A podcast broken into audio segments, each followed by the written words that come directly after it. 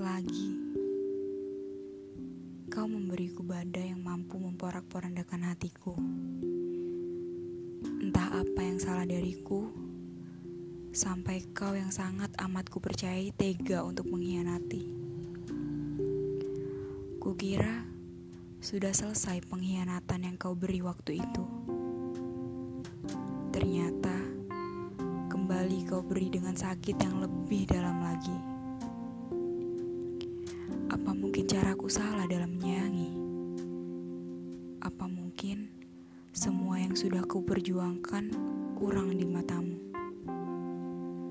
Atau ada hal lain yang memang kau ingini, namun tak kau dapati di diriku? Entahlah, teka-teki yang malah semakin menyakiti hati. Tangisku pecah malam itu. Aku tidak percaya jika harus kembali terluka oleh perbuatannya. Sesak, sampai tak ada jeda untuk sekedar berkata, "Iya." Sebuah kata yang sangat singkat, bukan? Aku memang tak pernah bisa menahanmu untuk tetap selalu bersamaku. Mau meminta atau bahkan mengemis seperti apa pun agar kau tidak pergi Aku tidak pernah menyangka jika wanita itu adalah pilihanmu setelah aku. Menambah berkali-kali lipat sakit di hatiku. Berkali-kali aku sampaikan ketika masih bersama untuk tidak lagi menghubungi atau sekedar berkomentar di kolom story miliknya.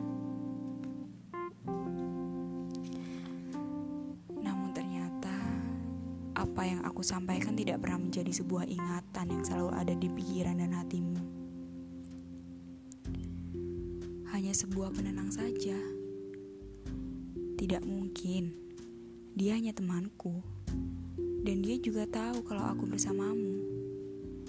Tenanglah. Sekarang aku bersamamu.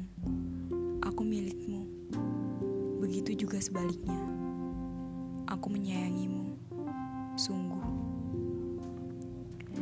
tidak pernah tidak luluh dengan segala apa yang dikatakan. Mungkin ini memang kelemahanku. Terlalu percaya dan mudah luluh. Hanya dengan secuil kalimat penuh penghayatan. Seolah diucapkannya dengan yakin dan sungguh-sungguh.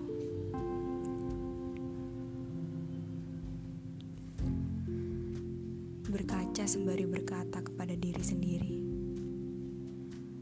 Ternyata memang benar Seseorang yang pernah sekali berkhianat pasti akan kembali untuk berkhianat. Sesalku ada. Kenapa pernah kembali memberi hati kepada yang pernah melukai?